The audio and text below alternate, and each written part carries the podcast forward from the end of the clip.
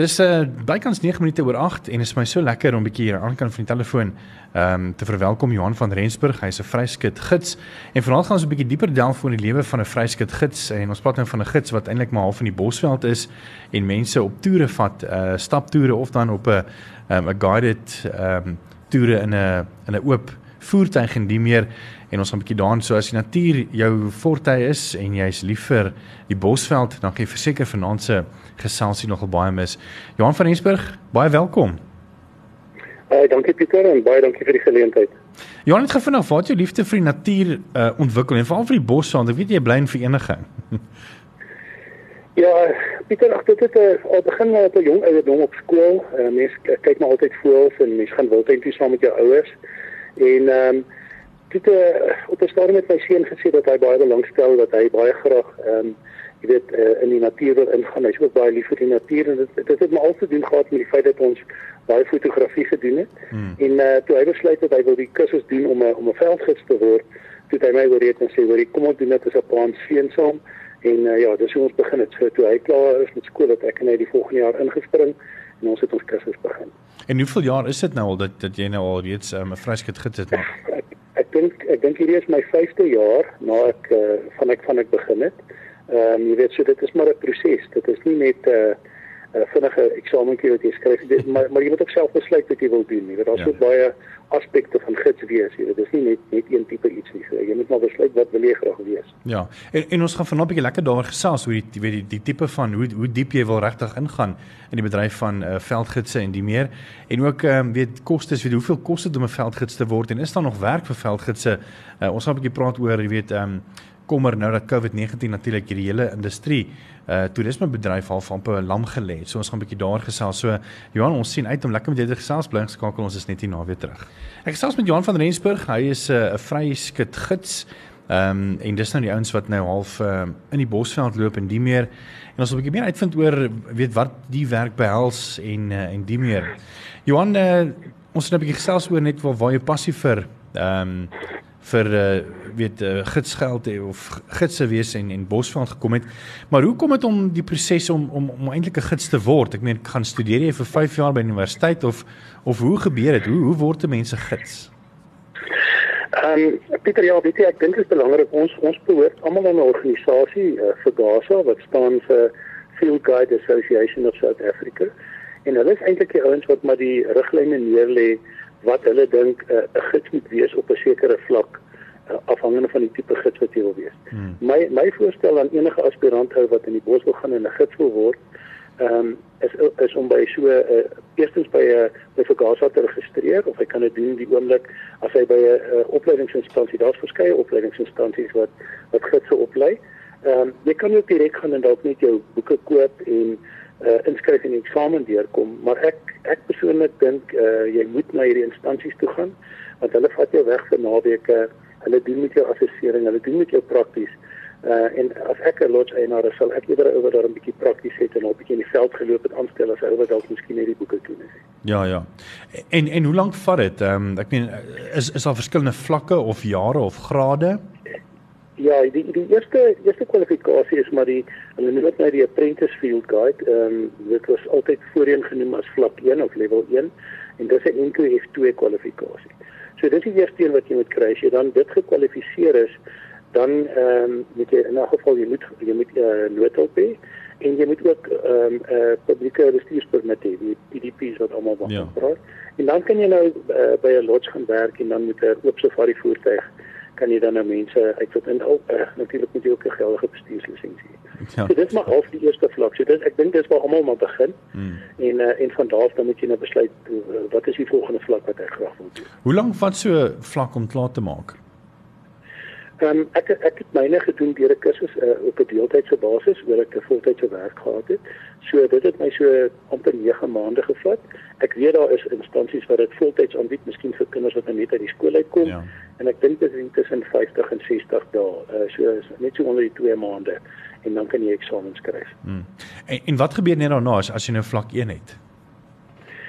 Ja, wel as jy nou vlak 2, dan moet jy nou fisies beleid gaan ek gaan ek nou by 'n lodge werk, ehm um, waar ek elke dag mense op 'n uh, op 'n oop voertuig uitvat en hulle van die bos vertel of gaan ek besluit om bietjie iets verder te word en en dis waar ek en my seun besluit het ons gaan hierdie stapie verder vat.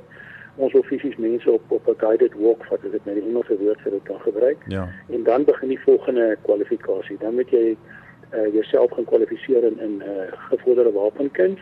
Jy skryf eksamen oor oor ballistics.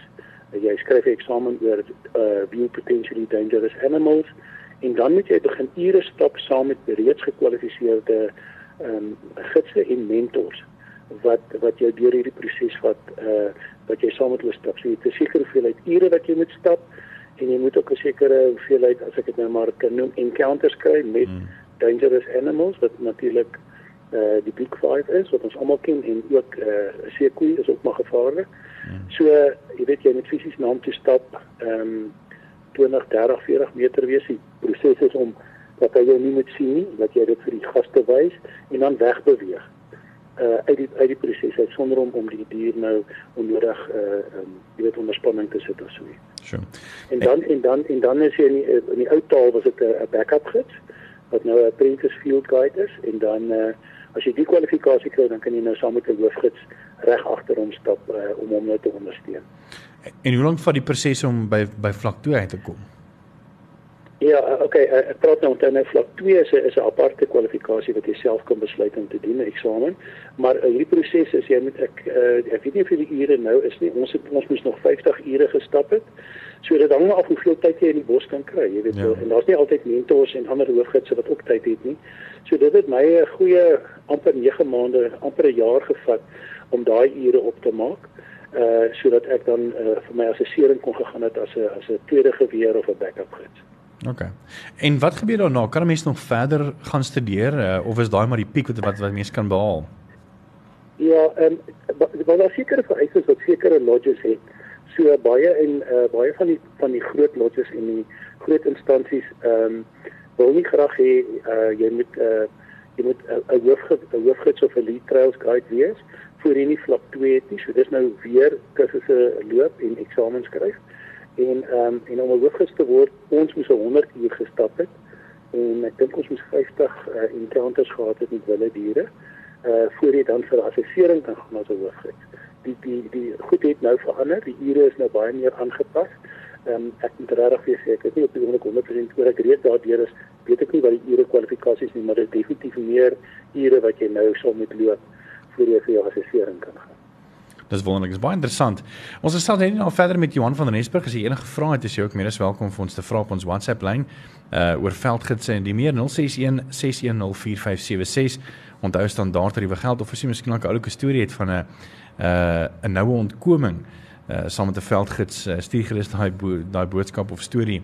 Ek gee gou vinnig weer ons nommer is 061 6104576 en onthou standaard tariewe geld. Ons is net hier na weer terug. Volg Ons het selfs 'n bietjie oor veldgidse en uh, wat mense moet doen om 'n veldgids te word.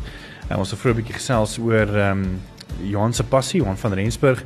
Hy's 'n vryskut veldgids en uh waar sy passie vandaan gekom het, 'n bietjie gesels oor wat jy moet doen as jy nou 'n veldgids moet wees, wat wat jy moet gaan swat en wat se kursusse daar daar buite beskikbaar is om 'n veldgids te word.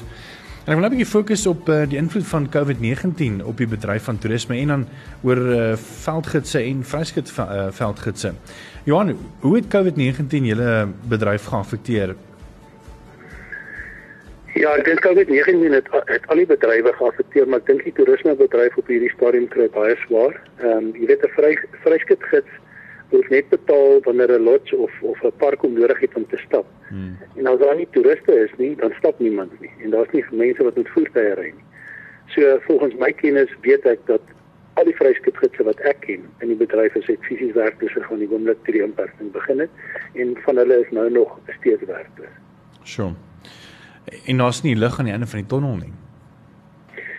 Ja, wel ek, ek verstaan dat van die van die van die uh van die parke en die lodges gaan nou begin oopmaak van van ek dink die 14 Augustus het ek vandag 'n artikel gesien.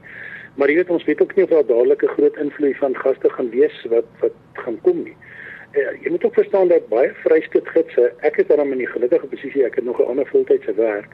Maar baie ander vryskutgidse het voltyds dit gedoen. Dis al wat hy gedoen het elke dag ja. as 'n vryskutgids gewerk het. En en jy weet daai ouens se inkomste is totaal totaal afgesny en dit maak dit baie bitter. en vanaand wat ander inkomens moet gaan soek het jy weet so dis dis is regtig erg op ons bedryf ek ek hoop net dat dat die mense as hulle kan gaan dat hulle sal bespreek en gaan sodat daar weer werk kan wees vir vryskutgids om om om in diens geneem te word. Ja. Uh, net so terloops, uh, wat verkies jy uh, op 'n oop voertuig of om te stap in die bos? Ek ek het dit nooit gedink nie, maar ek moet nou eerlik vir jou sê ek het baie rywerk gedoen vir Lodges Pilansberg en die Kreer, oral het ek met voertuie gery. Maar van ek die eerste keer gestap het en ek so weer nader aan die natuur is en hmm. jy weet dit gaan nie net altyd om om die groot vyf te sien nie. Jy sien die klein goedjies, jy klein insekte, klein uh, bobbejons binne koppies se nes. Ja, ek sal ek sal ek nie sommer maklik weer ry nie. Ek sal eerder verkies om te stap. En en daar's baie stappe. Jy kan jy kan byvoorbeeld net 'n uh, eendag stap gaan doen. Uh, daar's mense wat hierdie trail stap. Ek persoonlik het baie lief geraak om om uh, backpack trails te stap. Wat jy 3 aande in die veld slaap. Uh, baie mense is bang daarvoor die eerste keer was ek self nog 'n bietjie skrikkerig tot ek gesien het ek word nie opgeëet nie. maar uh, ja, ek ek verkies 'n backpack. Uh, jy 3 dae in die natuur, jou selfoon werk nie. Daar's geen opvangs nie. Dis maar net jy in die natuur. Hmm. En hoe beskerm jy jouself? Ek weet dat gidse moet uh, vier wapens hê. Wat is die minimum vier vier wapen kaliber waarmee jy moet gaan stap as jy nou gaan oorslaap in die meer? Ja, die minimum kaliber ons ons kyk nou maar die kreer kreer se standaard, dan meeste van die lodges pas pas dit ook maar toe is 'n is 'n .375 uh of 'n 458 en maar daar's ander kalibers wat mense ook gebruik, maar die minimum kaliber op die oomblik uh, wat jy moet gebruik is 'n .375. Sjoe, dis nogal 'n groot kaliber hoor met baie slaankrag. Uh, miskien ook so vinnig uit die duimsuig, miskien ook 'n uh, ek wil nie sê 'n noue ontkoming nie, maar miskien ook 'n nabye ontkoming is miskien ook 'n regte woord wat jy al ervaar het? Ja, in die eh, ek sou sê in die laaste 2 jaar was ek nou 6 keer gestorm, as ek dit nou maar so kan noem. Ehm um, vir my uh persoonlik ehm um, baie mense sal nou dalk nie met my saamstem nie, maar vir my wat die meeste die lekkerste was is wanneer 'n leeu jou storm, wanneer die adrenalien loop. jy weet, en uh ek dink die gevaarlikste is 'n seekoei of 'n buffalo storm. Okay. Ja, so ek ek was al naby, ek is al gestorm deur deur hulle almal. En ehm uh, ja, maar jy weet ek het daarom vandag nog 'n storie te vertel. daarom. Hoor jy so en dan ehm um, ek wou net iets vir gevra oor die oor die storm van die leeu en dit my heeltemal ongaan. Ehm um, maar kom ons vat 'n breek en dan kom ons net nou weer terug en dan gaan ons 'n bietjie meer verder oor oor veldgidse en vryskut veldgidse uh, in 'n tyd van COVID-19. En reg verkeerd vanaand gesels 'n bietjie oor uh, veldgidse en uh, weet hoe dit uh, is om 'n veldgids te word, wat jy moet weet en die kennis daarvan en die meer en ek gesels 'n bietjie met Johan van Rensburg. Hy is 'n uh, vryskutgids uh, daarvan vereniging spend, uh, spandeer die meeste van sy tyd as hy kan, sy vrye tyd natuurlik met tyd ander werk ook. Ehm um, in die Bosveld, Bilansberg en Creer en Marakele en die plekke uh om mense te te stap en te leer van die bos. Ek wil net gou vinnig weer terug gaan. Ons het nou vroeg gepraat oor ehm um, weet noue ontkomings en die meer en uh, jy het ook gepraat van 'n vlak 2 veldgids of dan 'n hoof uh, veldgids wat dan ehm um, moet uh, 'n minimum kaliber saam om dra van ten minste 375. Ehm um, moet jy jou eie wapen hê of of gee natuurreservate in die ouens vir jou 'n wapen om mee te loop, Johan? Ehm um, dit was maar die gebruik dat meeste van die van die lodges en en selfs kreer op 'n stadium het het, het toegelaat dat jy van hulle vuur wapens gebruik. Maar ek dink wetgewing het op so geraak dat meeste mense dat eerder versoek dat dat die gids liewer sy eie wapen moet hê. Ek dink dit beskerm hulle en dit beskerm die gids ook. En en jy weet as ek net my eie wapen stap, ek ken my eie wapen, ek weet daar's niks met hom fout nie. Ons moet gereeld gaan om te gaan skiet. Op jou jou skiet eh uh, uh, kursus hier jou gevorderde wapenhantering moet jy elke 3 jaar hernie. Daar's baie mense wat versoek jy moet een keer 'n jaar ten minste al die oefeninge wat uh, deel is van daai assessering gaan skiet sodat hulle weet jy is op ehm um, op datum en ek wil nie elke keer met 'n ander geweer gaan skiet. Ja. So ek sal liewer met die geweer waarmee ek oefen en waarmee ek vertroud is en waarmee ek uh, gemaklik is, sal ek in die bos nie wil gaan staan. Ja. Ek wil eintlik nou miskien ook nou nie op mense se tone trap nie Johan. So ek gaan baie diplomaties wees maar uh, daar's mos net maar twee maniere van weet uh, om 'n veldgids te wees, jy weet, um, uh, vir die publiek want die gewone publiek of ek wil nie sê gewone publiek nie, maar die die een helfte van die publiek wil eintlik net uitgaan en hulle wil net die groot 5 sien. En dan die ander helfte van die van die publiek wat hou van die bosveld is groot voelkykers en hulle waar jy miskien dan nie so seer oor die leeuweraal is nie, maar meer oor die uh oor die visarend of so iets, jy weet. Hoe is jou ervaring van van die twee uh groepe mense wat natuurlik albei beide liefde het vir die natuur. Kyk dit dit het al gebeur dat ek beide van hierdie tipe toeriste op 'n voertuig gehad het en op 'n op 'n guided walk. En ek dink dit daar waar dit belangrik is dat die gids 'n balans het. Jy weet die gids vir vir vir die mense sê luister ek sal stop vir voels Julle hou van voëls, miskien kan julle ons iets leer van voëls wat ons nie weet nie. Maar daar's ander mense wat ook graag na ander goed wil kyk en ons moet almal mekaar ehm uh, jy weet uh, uh, 'n bietjie compensate sodat sodat elke ou as hy terugklim op die voertuig sê, "Wel, ek het vandag iets van 'n voël geleer wat ek nie weet nie." En die voël kyk het draai en sê, "Wel, ek het iets van 'n bobbejaan binnekop gesien of ek het iets gesien hoe uh eh, hoekom tot skot daar eiertjies lê." Dit was vir my nou amazing. Jy weet, ek dink dit is belangrik dat die gids sy sy gaste lees en dat hy vir hulle almal die beste experience kan gee in daai tydperk wat hy saam met hulle die gids werk. Ja.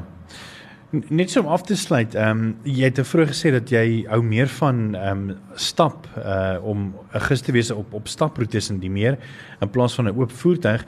Wat is jou gunsteling roete wat jy verkies om te loop?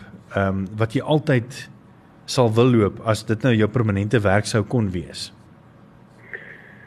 Ek moet eerlik sê ek kom weer terug na na om met 'n rugsak te gaan, 'n uh, 'n backpack trail te gaan stap en daar sal ek maar uitsonder, dit is maar my persoonlike gevoel, ander gidse voel ook anders. Ek is baie mal oor die Lonely Bull wat by die Letaba rivier gestap word. Sure. Ehm um, ek moet eerlik vir jou sê ek het baie goeie stappe al in Marakele gehad. Hulle op die oomblik het nie backpack trails nie, so jy gaan maar op 'n stap en as jy klaar is dan gaan jy terug na die kamp toe. Okay. So uh, ja, vir vir 'n backpack sal ek uh, daar by Letaba rivier gaan stap. Enige laaste woorde van 'n gids? Uh, hoe hoe lyk die toekoms vir gidse?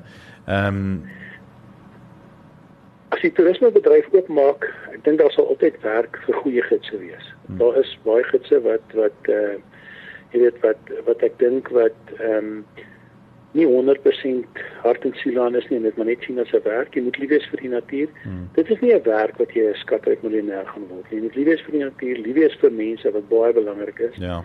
En jy moet aanhou jou kennis uitbrei. Ek leer elke dag nog. Ek is glad nie 'n ekspert op enige iets nie. Ek het 'n goeie basiese kennis van wat ek moes ken vir my eksamens. Maar ek het nou nog boeke wat ek koop en boeke wat ek lees en ek leer ook self elke dag nog. Ja. Johan, dankie vir jou tyd vanaand. Ehm um, baie insiggewend. Ek het nogal baie geleer by jou vanaand. Ehm um, en alle sterkte en ons hoop dat ehm um, hopelik sal die die regering weer die grense oopmaak vir oorgrens uh, toer en weer vir Bosveld. Ek weet um, ek dink in die nuus vandag het hulle gesê dat uh, die sandparke nou weer hulle parke gaan oopmaak vanaf die 14 Augustus wat goeie nuus is, maar nog steeds word ehm um, uh oor provinsie ehm um, se travel ongelukkig nog nie toegelaat nie, maar dis dan ja. ten minste daai stappie nader, jy weet. Ja. Ja, wat sê hulle, hoe eet mense olifant op, né? Sy begin happie vir happie en ek hoop hierdie is 'n stappie vir stappie vir ons om almal weer terug te kom na normaal toe. Ja, verseker. Johan Venus, dankie vir jou tyd vanaand. Dit was regtig baie insiggewend. Ek het dit nogal baie geniet om jou te gesels. Ek sê vir jou baie dankie vir die geleentheid hier in die kant weer. Dis Johan van Rensburg en hy's 'n vryskut gids uh wat mense op staptoere vat en die meer. Nogal baie insiggewend vir my gewees vanaand. Groot FM 90.5